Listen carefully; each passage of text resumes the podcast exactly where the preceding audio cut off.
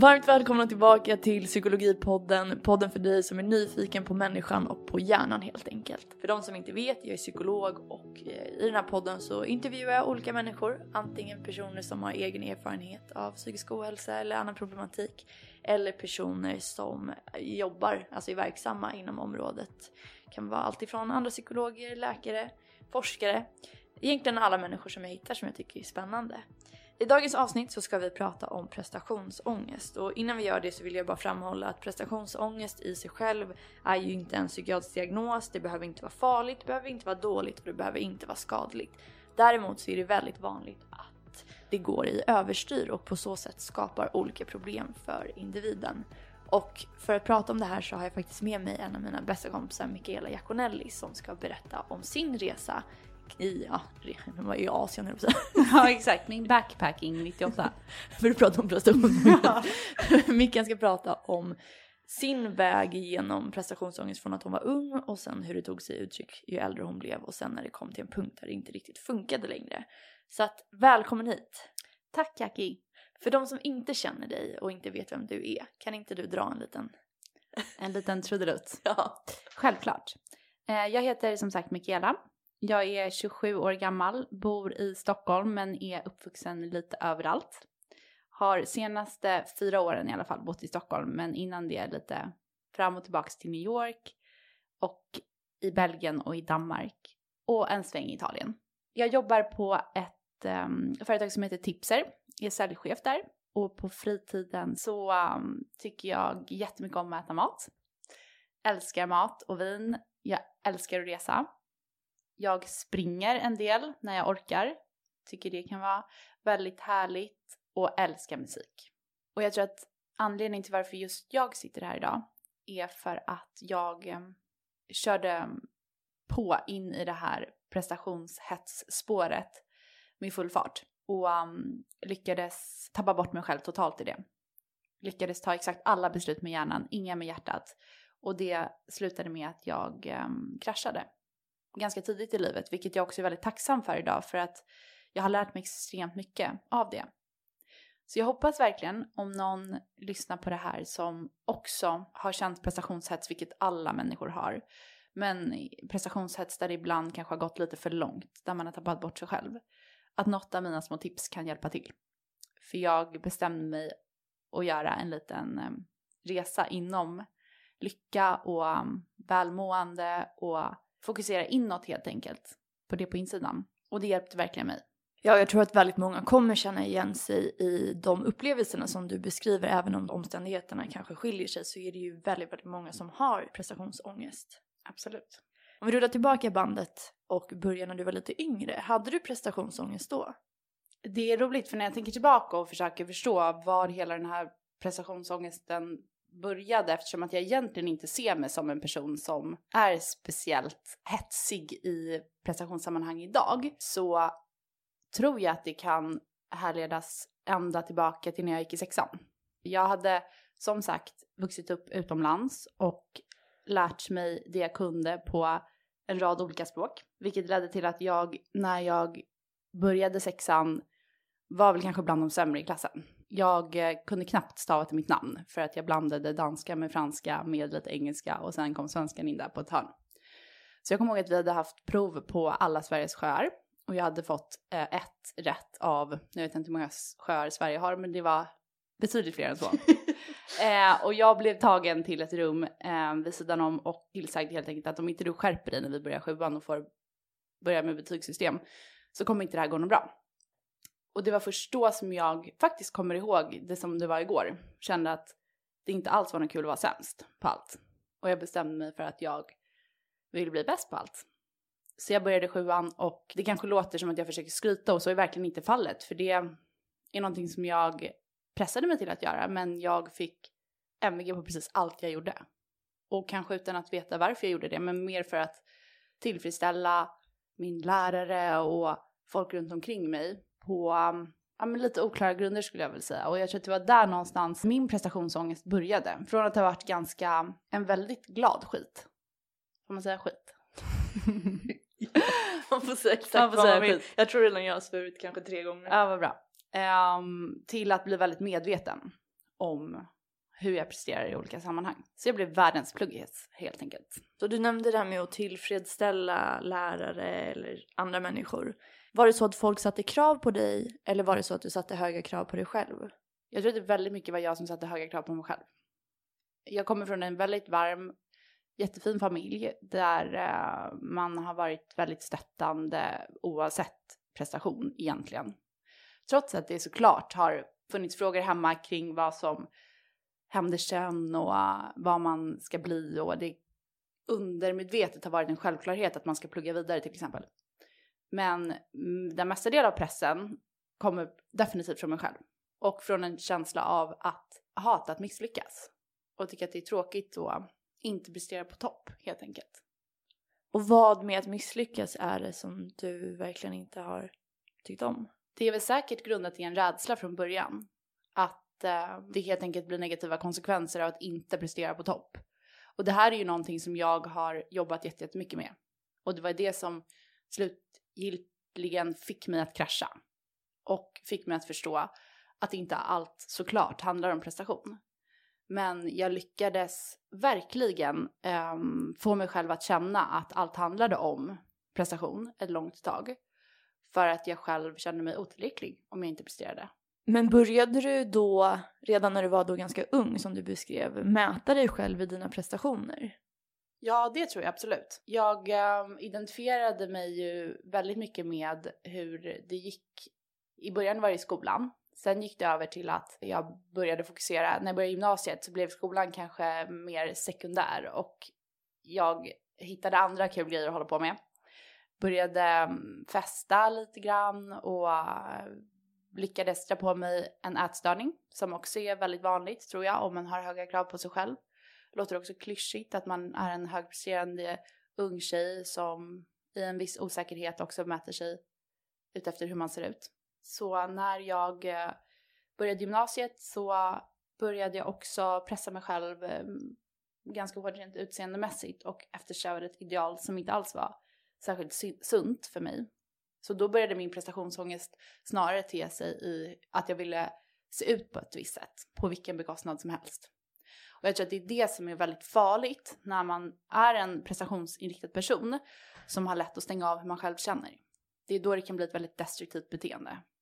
Prestationen går före allt på bekostnad av en själv.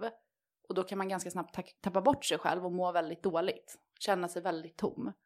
Och till slut gå in i väggen eller bli deprimerad eller helt enkelt krascha på något sätt. Så när du började gymnasiet då så böt du liksom, böt du, men du, objektet för din prestationsångest böts ut.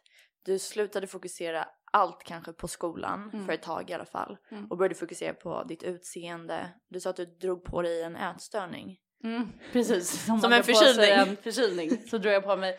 Ja men jag hade gått ut nian och jag hade lyckats prestera bra i skolan.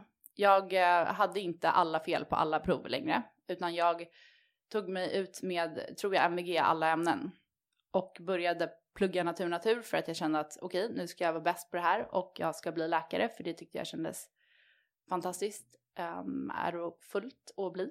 Men så började jag på natur natur och gick ungefär 20 minuter på den, i den klassen och kände att men herregud, det här är inte jag för fem öre. Här är ju jag för det här har jag trott har varit bra. Det här har jag trott har förväntats av mig. Men jag tycker inte det är särskilt kul med varken matte eller NO. Och då fokuserade jag mitt fokus på något annat. Och um, det blev um, mitt utseende. Så jag, jag drog på mig en ätstörning. Precis, som man drar på sig en förkylning. Den byggdes väl upp över tid antar jag. Men jag um, fick både en släng av anorexia och av bulimi. Som jag hade under flera års tid efter det. Minns du hur tankarna gick under den här perioden? Jag var jättehård mot mig själv.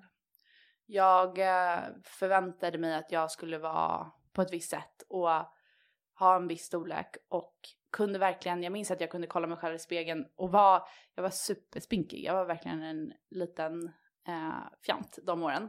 Eh, men kunde kolla mig själv i spegeln och känna att så här, ja, jag är ju absolut inte tillräckligt söt eller smal eller bra för att ens kunna vara med på middagar och sociala events och fester och sådär. Min hjärna hängde liksom inte alls med verkligheten. Det pågick under hela gymnasiet sen så tog jag studenten och eh, hade egentligen eh, siktet inställt på att jag skulle göra något helt annat för jag var trött på skolan. Redan 20 minuter in på gymnasiet ungefär. Men jag gick klart det för att jag har lärt mig att man går klart, klart det man börjar. Och sen så fick jag ett jobb faktiskt um, utomlands, skulle börja jobba bara i butik på H&M för att göra något helt annat. Och flytta till Milano och leva livet var min plan. Men jag sökte till um, Handels högskola för att um, en gammal kompis till mig sökte skola samtidigt. Och uh, sökte bara till Handels egentligen för att jag kände igen det namnet och tänkte att det här är väl bra. Trodde inte alls jag skulle komma in för jag hade inte läst alla de mattekurser som man behövde läsa. Var iväg, jag kommer ihåg att jag hade varit på Gotland och festat. Kommer tillbaka, har fått ett antagningsbesked från Handels. Och direkt då satte den här liksom lilla prestationsklockan igång igen. Och jag kände så här, men gud den här chansen kommer inte jag få igen. Det är jättebra att gå på Handels, det är klart jag ska testa det. Testar, kom in på retail management-programmet ute i Norrtälje som eh, jag inte ens visste vad det var för någonting egentligen. Men åkte dit, gav det några dagar och sen var jag fast. Då hade jag lagt hela min dröm om att flytta någon annanstans och göra något helt annat på hyllan för att nu hade jag tagit mig an något annat. Och tre ganska mm, tuffa år började för att jag kände återigen att jag har påbörjat någonting som jag måste slutföra. Och um, i kombination med att jag hade dragit på mig den här ätstörningen så blev det um, en väldigt tuff tid för mig. Och jag fick verkligen se den här prestationsångesten i vitögat. Ehm, det blir väldigt tufft när man hänger upp sitt värde på extern bekräftelse. Det funkar bara en viss tid. Sen hinner det kappen. Mm. Ja, och jag tänker att det är ju väldigt vanligt att man får, alltså om man presterar bra så är det väldigt vanligt att man får förstärkning i form av bekräftelse då från andra människor att man är duktig, att man är bra, att mm. man är smart. Mm. Och samma sak tänker jag med utseende. Mm. Alltså, man kanske inte kollar hur mår den här personen på insidan utan mm. men du ser så jävla bra ut, ser så fräsch ut. Mm. Att man får den bekräftelsen därifrån och då förstärks ju bara det här beteendet. Mm. För det är ju precis den bekräftelsen som man vill åt. Absolut. Och det går jättesnabbt inflation i det. Jag kan nästan tycka synd om mina kompisar som umgicks med mig under de åren för att jag var så osäker i perioder att jag verkligen hela tiden behövde få liksom förstärkelse. Hur ser jag ut nu? Är det här fint? Är det här bra? Du frågade så? Jag frågade så hela tiden. Jag var en jättejobbig jävel. Och det fanns inget svar som räckte till antar jag då? Nej, alltså det eh, studsar. Alltså jag tror det är lite som med likes på Instagram om man kan ta det så. Man blir glad i fem sekunder och sen så vill man ha mer. Det finns ingen långvarig lycka i det där. Men man lurar sig väldigt enkelt till att tro att det, det är så. Mm. Och hänger man upp för många saker i sin tillvaro på den typen av kortvarig lycka, som jag lärde mig att det handlar om lite senare, då blir man inte glad på riktigt. Man blir fejkglad och det går över. Mm. Och man känner sig väldigt tom det är den känslan som jag får när du pratar. Alltså, det är nästan som att jag känner någon typ av tomhet i att, att en person springer runt och letar efter den här bekräftelsen som på något sätt ska fylla det här mm. behovet eller tomheten som man har. Mm. Eh, men som du säger så blir det ju ingen bestående påfyllning. Verkligen inte. Eh, och jag tror att både bekräftelse för ett utseende eller för ett eh, prov eller vad det nu än kan vara, det är samma sak. Eller en like på Instagram det är någonting som man kan hänga upp jättemycket på och tro är jätte, jätteviktigt. Men det är ingenting som man är glad över dagen efter det har hänt. Kanske ett par dagar om det var ett stort prov och ett viktigt prov. Men i slutändan så är det inte det som gör oss lyckliga som människor. Spelade det någon roll för dig under den här tiden vem bekräftelsen kom ifrån? Var vissa människor viktigare på något sätt? En jättebra fråga. Jag eh, tror absolut att det är klart att jag bryr mig mer om eh, bekräftelse från folk som, som jag tyckte om, som stod mig nära, mina nära vänner och min familj. Men eh, egentligen handlar det inte om det, för att det var ju avsaknad av bekräftelse från mig själv, tror jag, som gjorde att jag fick ett omättat bekräftelsebehov. Och eh, det var inte förrän jag lyckades tänka om kring det och tänka om kring hela sättet som jag såg på prestation som jag lyckades hitta ett mycket bättre förhållningssätt till det. Mm. Och det som var nyckeln för mig. Just det. Och vi kommer ju komma dit. Mm. Till den fullärda Mikaela som Precis. sitter här mitt emot mig idag. Som verkligen inte är fallet. Jag vill absolut inte porträttera mig som att jag har hittat lösningen på allt. Men åtminstone en liten nyckel för mig. Mm, mm. Men minns du vad det var som hände med dig när du fick den här bekräftelsen? Vad fick det dig att känna? Ehm, alltså väldigt kort, en väldigt kort eh, endorfinkick. Jag tror verkligen att jag är en endorfin-junkie. Det som hände när jag började eh, plugga så här mycket också var ju att jag, eftersom att jag hade ett behov av att resa fortfarande och ville se världen och absolut inte sitta instängd i ett klassrum, det var ju att jag försökte få kickar på andra håll. Så jag blev, och nu låter jag som en sjuk person, men jag blev ju beroende av att springa i den vevan. Jag sprang över en mil varje dag Um, dessutom innan frukost, för det funkar ganska bra när man har en ätstörning och vill få, slå två flugor i en smäll. Det låter hemskt. Men det var mitt sätt att få kickar. Så att jag tror att jag sökte kickar. Jag tror att jag sökte kickar från eh, i början att jag inte ville att min lärare skulle vara besviken på mig. Jag tror att jag sökte kickar när jag eh, började hitta på andra grejer än att bara fokusera på skolan. Jag ville liksom vara bäst, trodde jag. Mm. Och det är ingenting som jag är stolt över, för det finns liksom, det man kommer fram till att bäst, det finns inget som är bäst. Alltså bäst är så otroligt personligt. Och det är inte ens någonting eftersträvansvärt, du sätter bara krokben på dig själv. Men eftersom att jag var osäker och inte riktigt visste, jag visste liksom att jag ville nå långt. Alltså, men jag visste inte riktigt vart.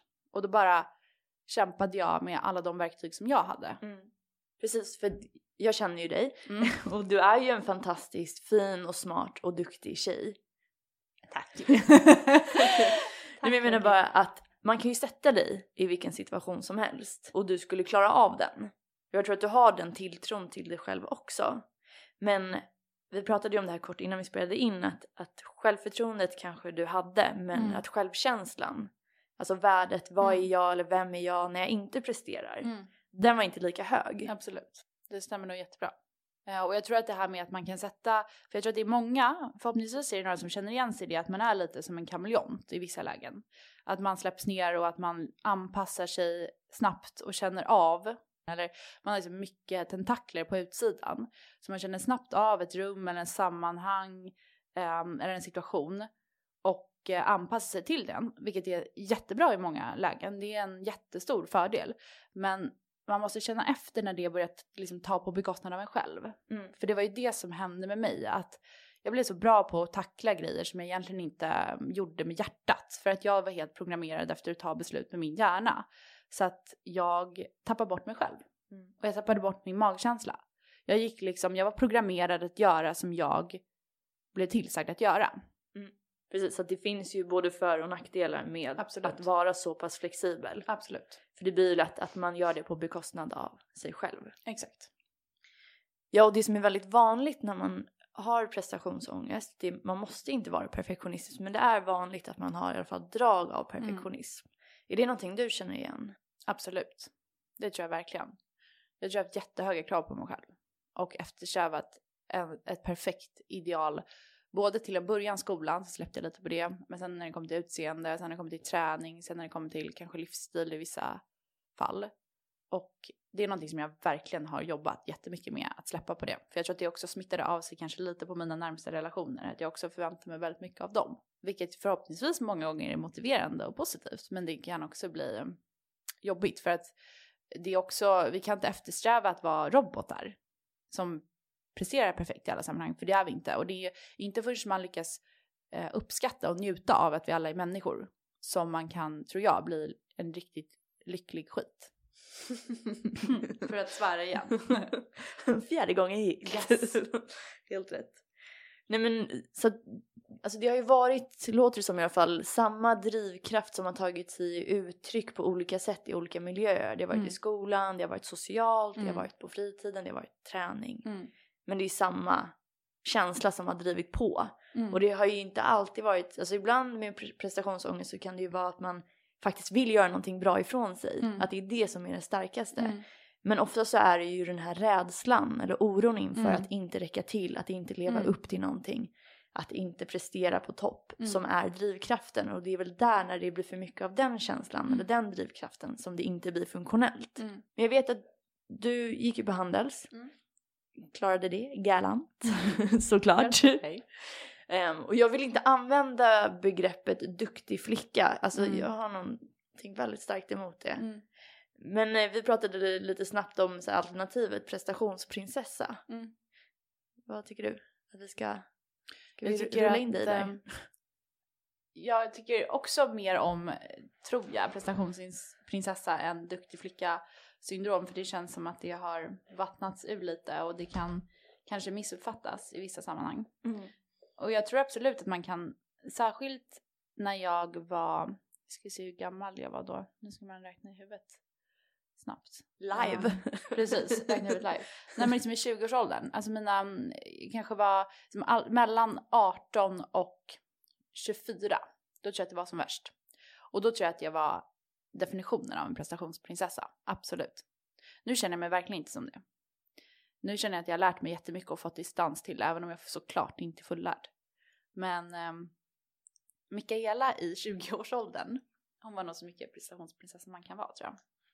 Men var det så, för det är ju väldigt vanligt att man bygger upp som scenarion där man tillskriver eh, ett projekt, en person, vad det nu kan vara, alltså Mm. väldigt, väldigt stor vikt. Mm. Alltså inte bara jag är det jag presterar, Mm. att man liksom mäter sig själv i det, men också att det är livsviktigt Mm, att jag absolut. presterar bra på det här. Gud, för ja. annars, För annars, eh, typ dör jag. Så blir det ju verkligen. Jag kommer ihåg att jag gick igenom mina tre första år på Handels, för jag tog en master sen. Och trodde att jag hade failat varenda tenta. Alltså varenda jäkla gång när man skulle klicka på den här knappen och se resultatet så var jag helt säker på att jag hade failat den.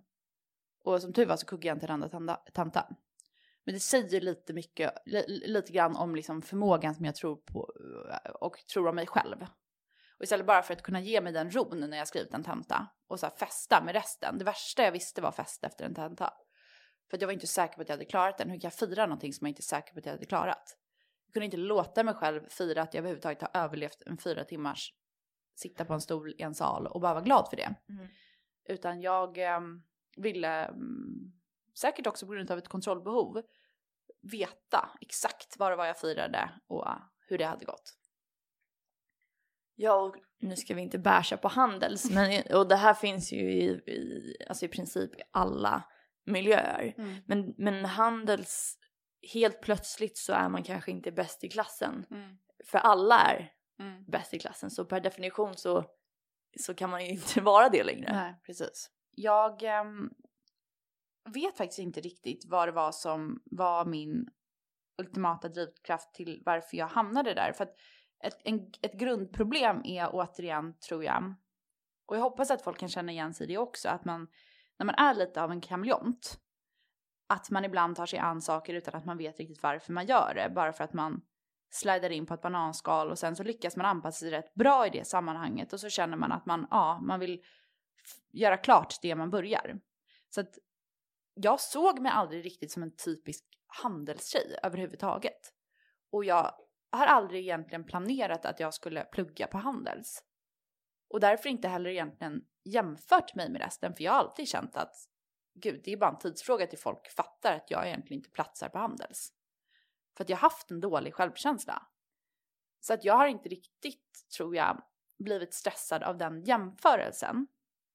Snarare eh, stressad för att jag har inte velat göra mig själv besviken i att inte klara det som jag har påbörjat. För det skulle vara ett misslyckande för mig själv. Och det blir en väldigt speciell miljö när man samlar alla som har varit bäst i klassen i samma klassrum och så helt plötsligt är inte alla bäst i klassen. Men det har inte varit det jobbigaste för mig. Utan det har snarare varit att jag har försökt prestera i en miljö där jag kanske inte har riktigt tillåtit mig själv att känna efter om jag verkligen vill vara. Nej, och du återkommer ju flera gånger till det här att, att du gjorde det som förväntades av dig. Och då låter det ju som att det är någon extern förväntan. Mm. Och det ligger ju mycket i det att, att oftast är det att man ställer höga krav på sig själv. Och Okej, var kommer de ifrån? Det kan vara från familj, från samhället, från Mm. vänner, från sociala medier. Ehm, vem eller vad tänker du var det som hade de här förväntningarna på dig? Ja, det är också en jättebra fråga och det hade varit väldigt skönt att bara säga att så här, Nej men det är pappa som har satt alla de här kraven på mig. Han är för jävlig. bara du har så världens finaste pappa. men jag har världens finaste pappa och han har aldrig liksom förväntat sig, han, han har bara velat att liksom hans barn ska vara glada så jag kan ehm, Tyvärr inte skylla på Tyvärr honom. inte skylla på honom och inte min mamma heller. Ehm, så jag tror att det är jättemycket är jag själv som har satt de här förväntningarna på mig faktiskt. Och eh, i kombination med samhället. Att man eh, har så sjukt mycket förebilder att se upp till i alla olika sammanhang. Och som vi pratade lite om tidigare också innan podden att jag tror att jag har varit jätteduktig på att jämföra mig med både de som är bäst rent karriärsmässigt, eh, de som är snyggast rent utseendemässigt, de som är mest fit rent träningsmässigt. Jag har gjort det jobbigt för mig själv att leva upp till alla de förväntningarna. Mm. Och ju snabbare man kan komma till insikt att samhället inte förväntar sig ett skit av dig och att vi hela tiden blir programmerade att ta beslut från liksom, med hjärnan och inte känna efter med hjärtat, Mm. desto bättre. Desto större tjänst gör man sig själv. Mm, mm, verkligen. Jag tänker att det du säger nu det är egentligen att, att man har ju internaliserat krav och så då kanske det inte spelar så himla stor roll i slutändan var eller vem ifrån de kommer. Nej. Men helt plötsligt så är det som om de vore dina. Absolut. Och det kan ju vara väldigt svårt att skapa en distans till det här och förstå sig. Det här är mina förväntningar, Mm. är det andras förväntningar, vad är det jag förhåller Mm. mig till? Mm. Och jag tänker att vi ska gå tillbaka till din resa, om man ska säga. Mm. För att jag vet inte, om man lyssnar på det här så kanske man tänker ja men lite prestationsångest, ja men hur farligt kan det vara? Mm. Men jag vet ju att, att när du, som du kallar det, kraschade, Mm. du mådde ju jävligt dåligt. Jag mådde jättedåligt. Ehm, eftersom att det här var någonting som byggde upp sig under flera års tid och, och eh, gav sig utslag på flera olika sätt. Jag hittar på lite ord här. så um, det funkade ganska bra ett tag. För jag tror att om man är en prestationsinriktad person så blir man ganska bra på att springa. På att hela tiden gå vidare och ta sig an nya uppgifter och sammanhang där man kan prestera. Men för mig i alla fall så funkade det bara till en viss punkt. Och det som hände efter att jag tog min bachelor var att jag flyttade till New York. För att jag ville vara i ett sammanhang som gav mig helt annan energi. Jag ville bort och jag är fortfarande så sugen på att se världen. Och tänkte att New York var en bra plats för där finns det människor från hela världen med stora ambitioner och jag trodde att jag kunde liksom blomma där och bli inspirerad. Flyttade dit, började jobba på ett produktionsbolag, eh, vilket var jätteroligt på ett sätt. Men jag var jätteinriktad på att fortsätta prestera och bara göra det som man kastade på mitt bord. Och tänkte egentligen inte så mycket på vad jag tyckte kändes bra eller vad jag behövde eller återigen ta beslut med hjärtat utan jag bara fortsatte på att bara ta beslut med min hjärna. Och det ledde till att jag jobbade hela tiden. Jag fokuserade inte särskilt mycket på att få ett socialt liv där borta eller på välmående i allmänhet. Sov jättelite, tappade bort mig själv. Det gick ju så pass långt att jag, eh, jag kommer ihåg att jag var på väg hem från jobbet en kväll och gick över gatan och kände verkligen i hela kroppen att jag inte kunde bry mig mindre om jag skulle bli påkörd. Jag var så slutkörd att jag inte orkade. Det var inte det att jag fick självmordstankar. Jag var inte så deprimerad alls. Jag tror att många utifrån inte ens såg att jag var deppig för jag le- levde livet där borta och hade fortfarande människor i min omgivning som jag älskade jättemycket och det var absolut inte så att det var misär men jag hade tappat bort mig själv. Och det blev också tydligt när jag mer och mer började få frågor som handlade om känslor där jag behövde blanda in min hjärn eller mitt hjärta. Där jag behövde ta beslut för att jag eh, skulle må bra av dem. Och det blev jättejobbigt för att jag var ju så inställd på att göra det som folk sa åt mig att göra. Så när jag sen väl skulle känna efter så visste jag inte ens vad jag var sugen på. Jag hade glömt bort hur man kände efter vad man var sugen på. Och då bestämde jag mig för att jag fick nog. Då kände jag verkligen att nu har jag levt ganska stor del av mitt liv efter någonting som jag har inbillat mig har förväntats utav mig. Någonting som samhället har sagt åt mig ska vara bra. Det är nyttigt att gå på Handels, det är jättebra att flytta till New York och jobba sjukt mycket. Det ena och det andra. Och det som det lämnade mig med var ju bara att jag hade tappat bort min magkänsla helt. Och inte alls kände mig glad. Och kände att det här kanske är ett liv för vissa, men det är i alla fall inte liv för mig. Så jag började någonting som kan låta jätteklyschigt, men jag började som ett litet lyckoprojekt med mig själv. Jag valde att försöka fokusera på lyckan fullt ut och började läsa jättemycket om det här. Lycka är ju tillsammans med drömmar ett av de mest forskade ämnena genom tiderna. Människan har varit besatt av det i urminnes tider. Och det är klart, det är inte så konstigt för att lycka är ju kanske någonting som är många anser är meningen med livet och det vi strävar efter i mångt och mycket.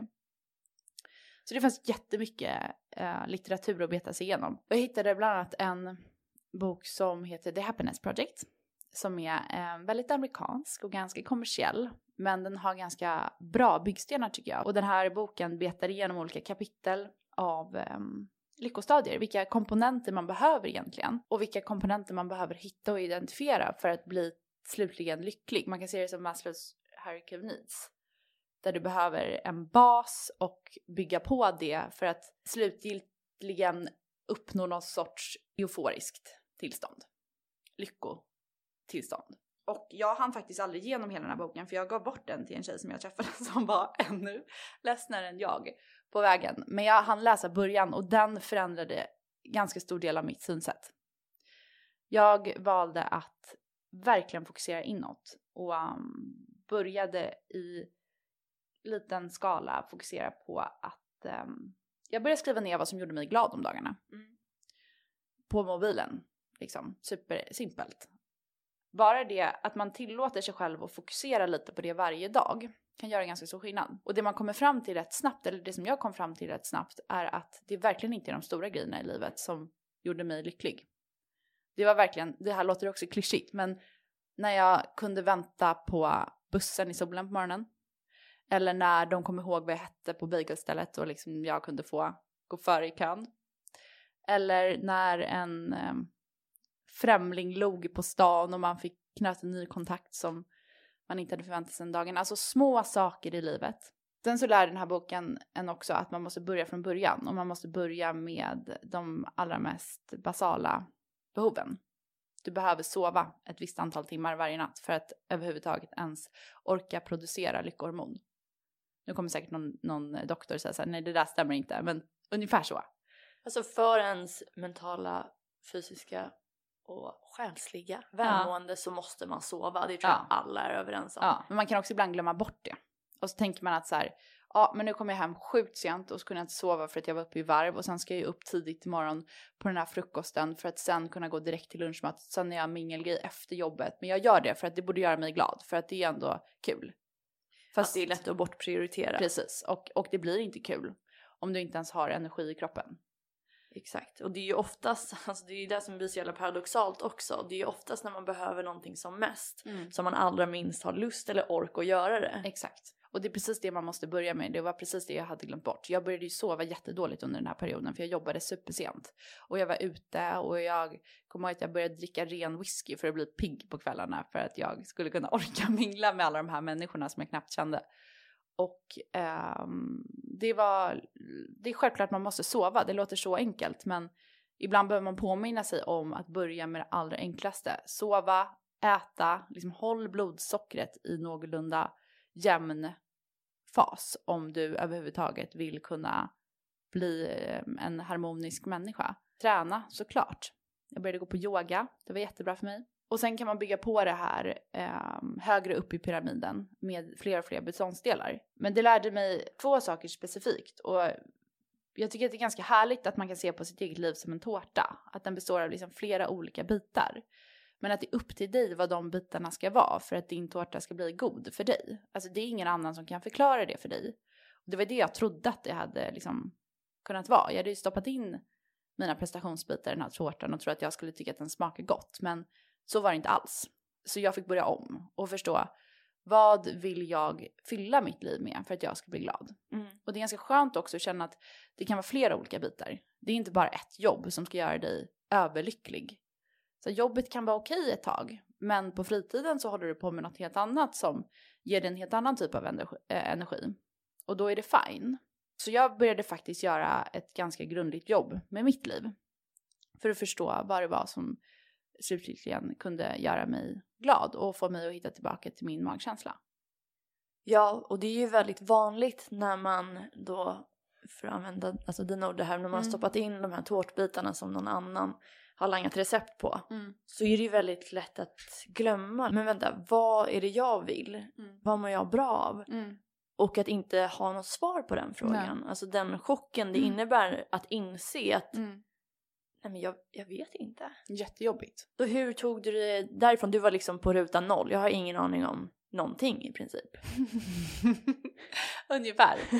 Eller jag vet Ehm, inte. Jo men alltså absolut. Jag tror många har varit där eller rullar in där eh, då och då. Ja, men alltså det var ju framförallt så här själva insikten att jag kan inte liksom, det finns inget recept, förutskrivet recept eller eh, genväg till, i alla fall inte lyckan i mitt liv.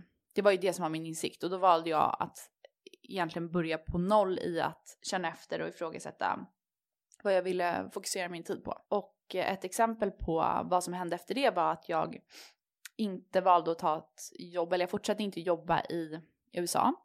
Eh, trots att det kanske var det som ansågs bra på mitt CV. Och det som många, eh, kanske väldigt prestationsinriktade personer hade tackat ja till om de var i min sits. Utan jag valde faktiskt att flytta hem och började visserligen plugga en master som man kan tycka är prestationsinriktat i sig. Men jag tog det väldigt lugnt, om man får säga så på den. Och gjorde det jag behövde göra men stoppade in massa andra grejer i mitt liv som jag tyckte var mycket roligare Mm. vid sidan om det. Och gjorde mycket mer plats för vänner och gjorde mycket mer plats för välmående i allmänhet.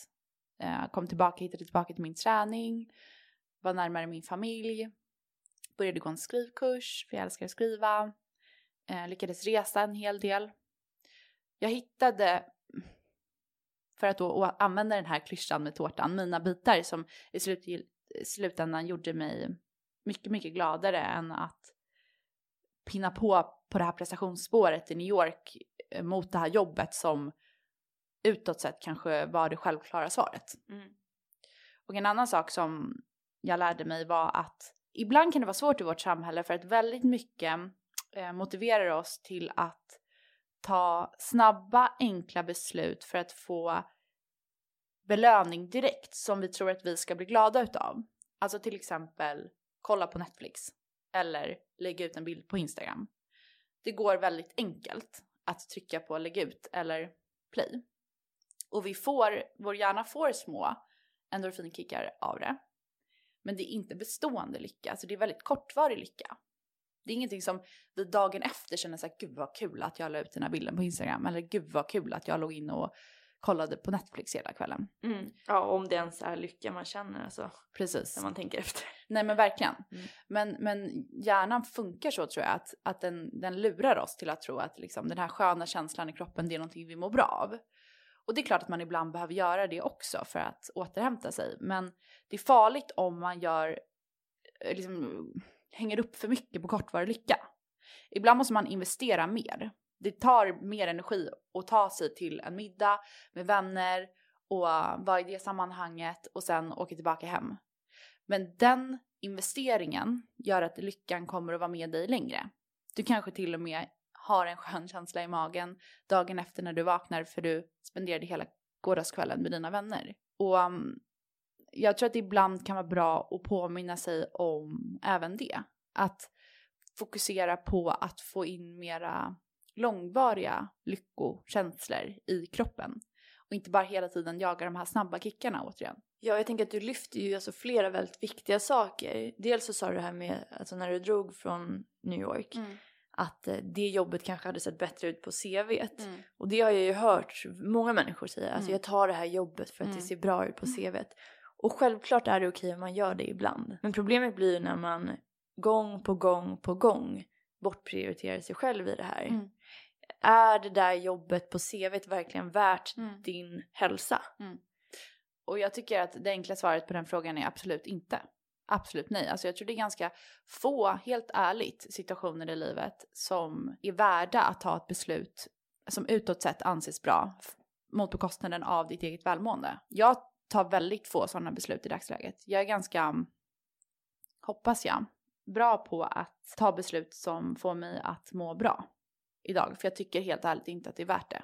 Det är ganska lite som är värt den stressen och det illamåendet som det kan göra, liksom, få det att leda till om du pressar dig själv för hårt. Men det är svårt, för vi lever i ett samhälle där väldigt mycket handlar om att du ska ta bra beslut eh, med hjärnan. Du premieras för att efter att göra det som anses vara klokt och kreddigt och Logiskt. logiskt. Det är väldigt lite som i alla fall vårt yrkesmässiga liv där du liksom belönas för att ja ah, men gud hon tog verkligen det här beslutet med hjärtat.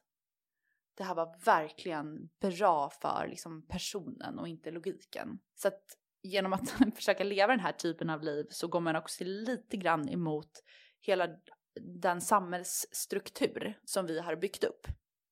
Så jag säger inte att det här är enkelt och man kan liksom inte gå emot ett helt samhälle över en natt. Men jag tror att om fler tänker på det här sättet eh, och värdesätter det i livet så skulle vi ha en mycket mer harmonisk tillvaro. Mm. Ja, och jag håller verkligen med dig. Mm. Och sen sitter jag och funderar på Alltså den här insikten Mm. som du berättar om, den bygger ju på att du hade en personlig erfarenhet eller upplevelse av att shit, du nådde liksom kanske botten eller Mm. det, det blev en krasch. Mm. Du kände verkligen fan det här går inte längre. Mm. Och min erfarenhet är att det krävs tyvärr Mm. att en person ska må väldigt dåligt för att en sån här förändring eller insikt ska till. Mm. Insikten bygger ju på att du har haft någon typ av upplevelse som har förändrat någonting hos dig. Jag funderar på hur man kan förmedla det här till personer som kanske inte har kraschat än Mm. utan att det låter helt klyschigt. Förstår du vad jag menar? Jag tycker det är jäkligt svårt. Absolut. Det är väl det man kanske skulle hoppas och också anledningen till varför jag hoppas att några lyssnar på den här podden som kanske är i ett stadie i livet, antingen lite yngre eller har em, lyckats komma in på det här prestationsspåret senare i livet och själva går mot den här insikten men att man kan liksom snabba på den processen lite genom att dela med sig av sina egna erfarenheter. Men ehm, jag tror att man måste våga ifrågasätta mer det som presenteras framför sina ögon.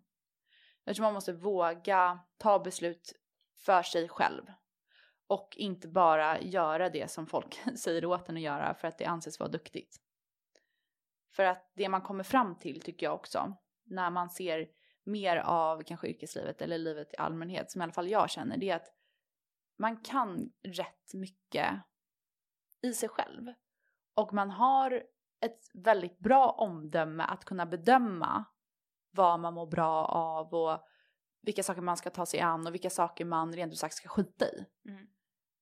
Men man, måste, man, man kan våga lita på den magkänslan mycket tidigare. Man går så många år och bara tror att alla andra vet bättre och rättar sig därför efter vad de säger trots att man själv kanske inte känner så. Mm. Och det är där det någonstans blir fel. Sen är det givetvis så att man måste komma till den insikten själv och man, eh, det är en utvecklingsfråga såklart.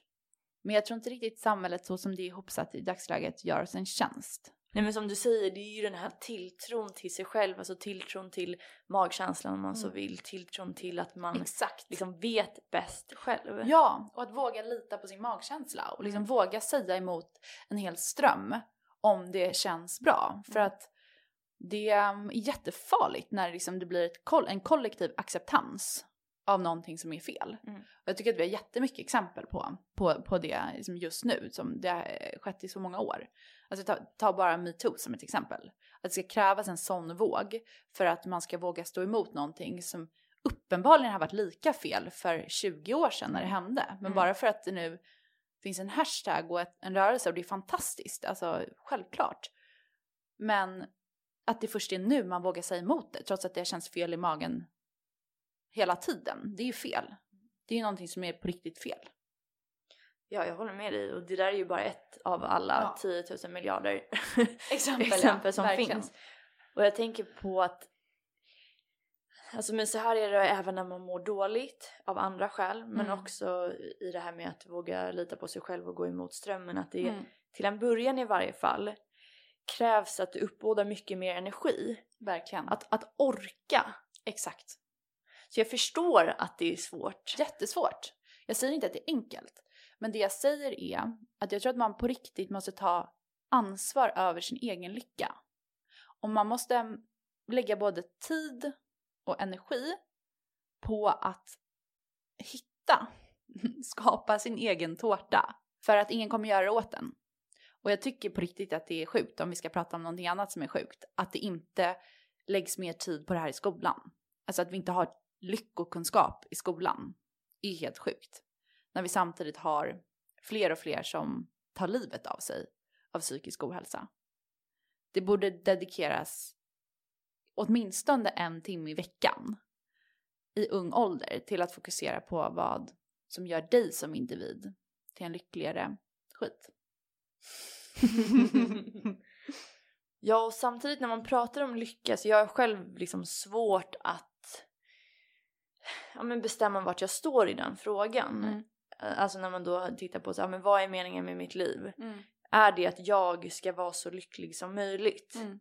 Eller är det någonting helt annat? Och är det så att Gud nu låter det som någon sån här, eh, jag menar inte på det här sättet som det låter men är det egentligen mer värt mm. att jag kanske inte mår, jag individen, mm. Jackie Levi, inte mår mitt bästa mm.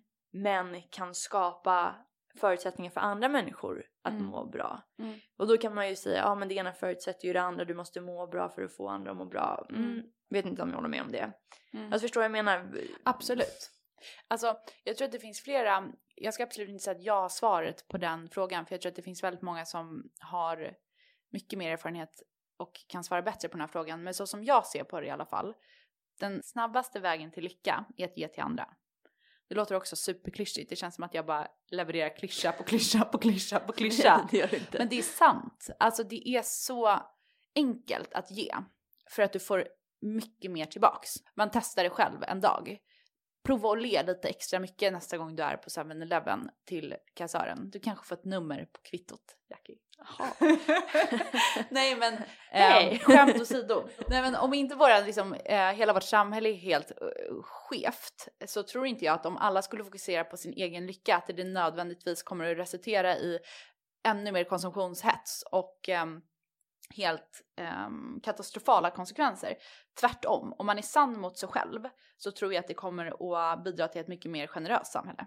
Och jag tror, som du sa inledningsvis, att Eh, för att du ska kunna det kurrar nu för att jag har druckit en Nocco. Um, Tänker inte göra reklam för Nocco Just det. Jag kommer klippa ut det. ja, det är bra. Alla influencers är och för sig sponsrade av Nocco. Ja precis. Where's Man kan tro att Nocco ja, flak. Men kanske kommer. Um, nej men för att du ska kunna. Alla kolla på mig med så här medlidande bara. Det kanske kommer. Gjorde jag. det var inte meningen. Um, Nej men för att du ska kunna, jag, jag tror på riktigt att, att, om du ska kunna bidra och utnyttja din full, ditt fulla jag, din fulla kompetens, då behöver du må grundbra i dig själv och då behöver du fokusera på ditt eget välmående först. Så att jag tror inte att om, vi, om man skulle uppmana alla till att på riktigt dedikera tid till att hitta sin egen lycka, att vårt samhälle skulle falla. Don't kill me. ah, vad kan du testa in? Nej, självklart inte. Nej. Alltså, det, nej. Men du förstår vad jag menar. Alltså, ja. Jag tror att det är, um, är en förutsättning någonstans. Mm. Ja, och, och, du sa någonting annat väldigt viktigt där med att vara sann mot sig själv. Alltså mm. problemet med klyschor, eller problemet, saken med klyschor är att det ligger ju oftast någonting sant i dem. Det är ju därför man tycker om dem. Mm. Det som händer när man tappar bort sig själv på det här sättet som mm. du beskrev att du gjorde det är ju ofta att man går emot sig själv. Mm. Jag tycker att i alla fall för mig så att gå emot sig själv då kan jag nästan föreställa mig det i bilder. Mm. Alltså är det här någonting jag gör som tar mig framåt? Mm. man ska säga, med mm. mig själv? Eller är det någonting som går emot mig själv? Och när du går mot dig själv tillräckligt många gånger och mm. tillräckligt lång tid mm. då skapas det ju verkligen den här tomheten eller en diskrepans mellan mm. den du har blivit och den du kanske innerst inne, där med att känna efter med hjärtat, den du är. Och det handlar ju också om att börja värdera sin egna lycka. Exakt. Och det låter ju som att det du gjorde när du satte dig och skrev ner vad är det som jag mår bra vad är det som är mm. viktigt för mig. Det var ju att map out lite så här, det här är mina värderingar, det här är det som är viktigt för mig. Mm. Absolut. 100 procent. Och också bara tillåta sig själv att fokusera på det. Att det var det som spelade roll för mig den dagen. Inte hur jag presterade på jobbet.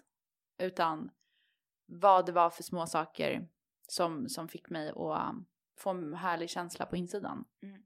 Det handlar ju om att skifta fokus. Och det handlar om att skifta fokus från externa prestationer till intern prestation, vilket kanske kan översättas till ja, men ett välbehag eller att känna sig glad. Så vad är ditt förhållningssätt till prestationer idag? Alltså det här är såklart en process. Det är inte så att jag känner mig överhuvudtaget fullärd.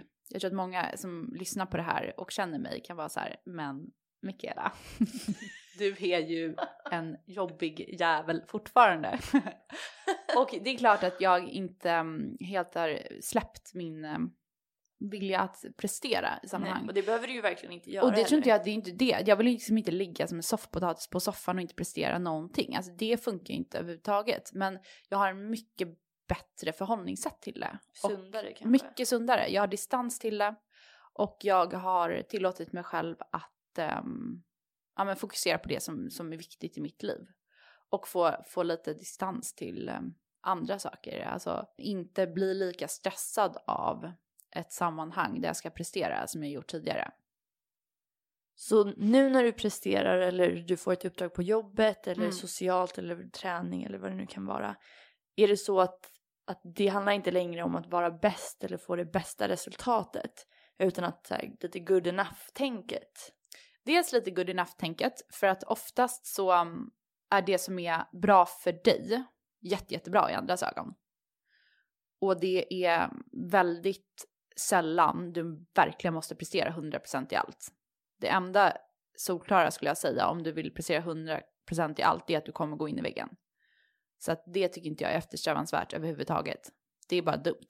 Sen så handlar det ju om att, tror jag, mm, också säkert en mognadssak, att man, man ska lita på sig själv och sin förmåga att prestera så att man inte behöver pusha sig så, så hårt i alla sammanhang utan att man kan ta sig an uppgifter på andra sätt.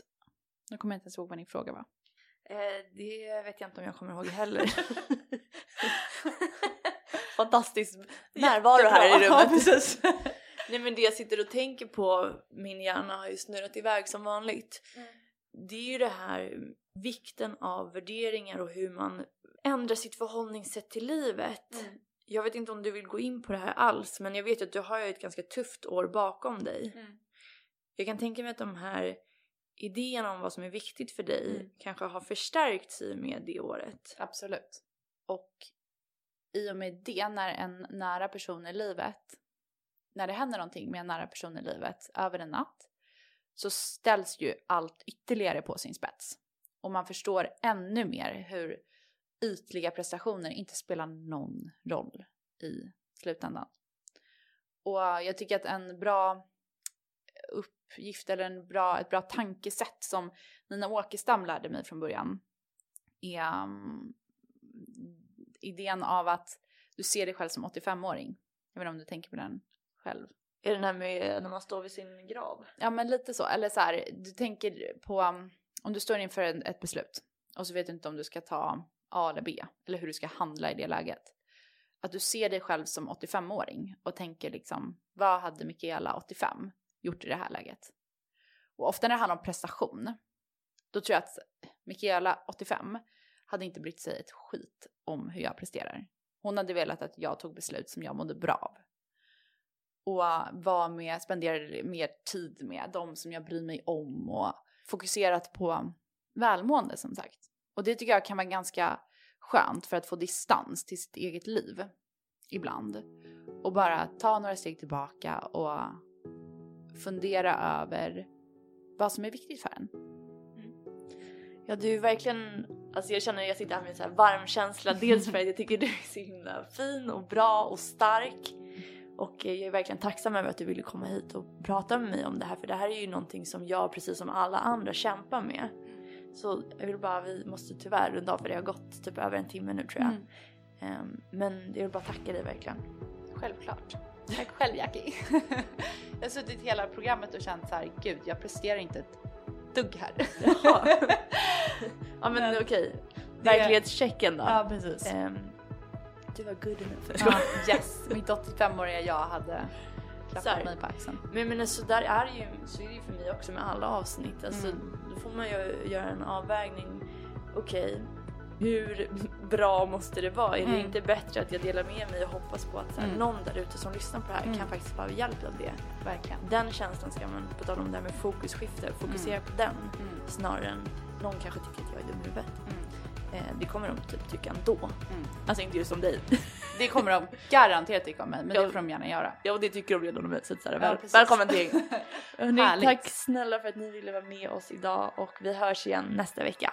Tack, tack. Hejdå! Hej då!